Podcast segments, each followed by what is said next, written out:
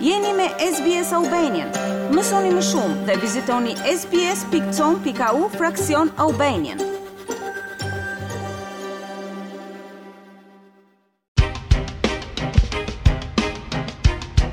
Australianët po bëjnë thirrje për marrjen e masave të ashpra në lidhje me shitjen e cigareve elektronike, për të parandaluar që brezi i ardhshëm të bëhet i varur nga nikotina. Të dhënat e reja nga Këshilli i Kancerit tregojnë shqetësim në rritje për vaping, pasi rregulloret se kush mund t'i blejë këto produkte kanë mangësira. Duhani elektronik është një nga produktet më të kontrolluara të nikotinës në treg, por shumë nuk janë të vetëdijshëm se cilat janë rregulloret mbi të. Anyone over the age of 18? I would say 18. Gjithkush mbi 18 vjeç, pra e përdorin vetëm të rriturit. Në Australi cigaret elektronike që përmbajnë nikotinë renditen si një ilaç vetëm me recetë, duke e bërë të paligjshme blerjen dhe shitjen pa recetën e mjekut. Fillimisht, kjo lloj cigare u tregtua si një zgjidhje e mrekullueshme për të lënë duhanin, por statistikat tregojnë se një në pesë të rinj të moshës 18 deri 24 vjeç kanë provuar të pinë cigare elektronike dhe rreth një e katërta e tyre kanë vazhduar ta përdorin atë. Todd Harper është shef ekzekutiv i Këshillit të Kancerit dhe është i zhgënjyer nga drejtimi që po merr vendi. This is a country that has led the way in reducing nicotine addiction through tobacco. Ky është një vend që ka udhëhequr rrugën në reduktimin e varësisë nga nikotina përmes produkteve të duhanit dhe tani po shohim një brez të ri të rinjsh që po bëhen të varur, thotë ai.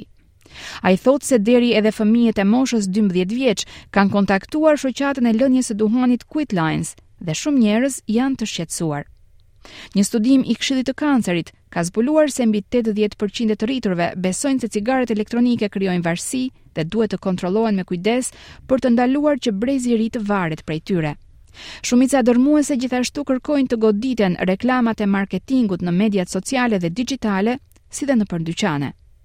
Todd Harper thotë, Our current laws don't do enough to ensure that these products can be stopped and only Ligjet tona aktuale nuk bëjnë mjaftueshëm për të siguruar që këto produkte të ndalohen dhe të vihen në dispozicion vetëm për njerëzit me recetë. Profesor Simon Chapman, profesor emeritus në shëndetin publik në Universitetin e Sidnit, pajtohet se legjislacioni aktual nuk është i përshtatshëm për të arritur qëllimin që i ka vënë vetes.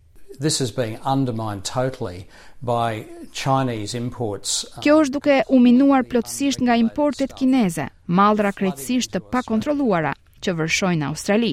Administrata e mallrave terapeutike kërkoi konsultim publik mbi reformat e propozuara për të goditur furnizimin e produkteve të nikotinës me avull, ngaqë është e shqetësuar se produkte me emra të tillë si Fruit Loops dhe Strawberry Milk synojnë posaçërisht të rinjtë.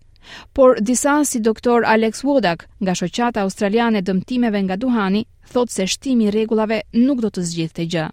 Why on earth severely restrict safer ways of taking nicotine and leaving deadly cigarettes readily available? Pse duhet të kufizojmë ashpër mënyrat më të sigurta të marrjes së nikotinës, kur cigaret vdekjeprurëse janë të disponueshme, thotë ai. Por shumë ekspertë të shëndetit publik nuk janë të bindur, duke thënë se prova nëse cigarja elektronike është më e sigurt sesa cigarja me nikotinë do të shihet të paktën pas një dekade. Dhe as njerëzit e thjeshtë nuk janë të bindur. Not a good habit for the kids especially. Një sort of guy.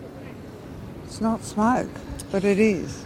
Prescription or not, I don't think they're going to be very successful in stopping people. Nuk është një zakon i mirë,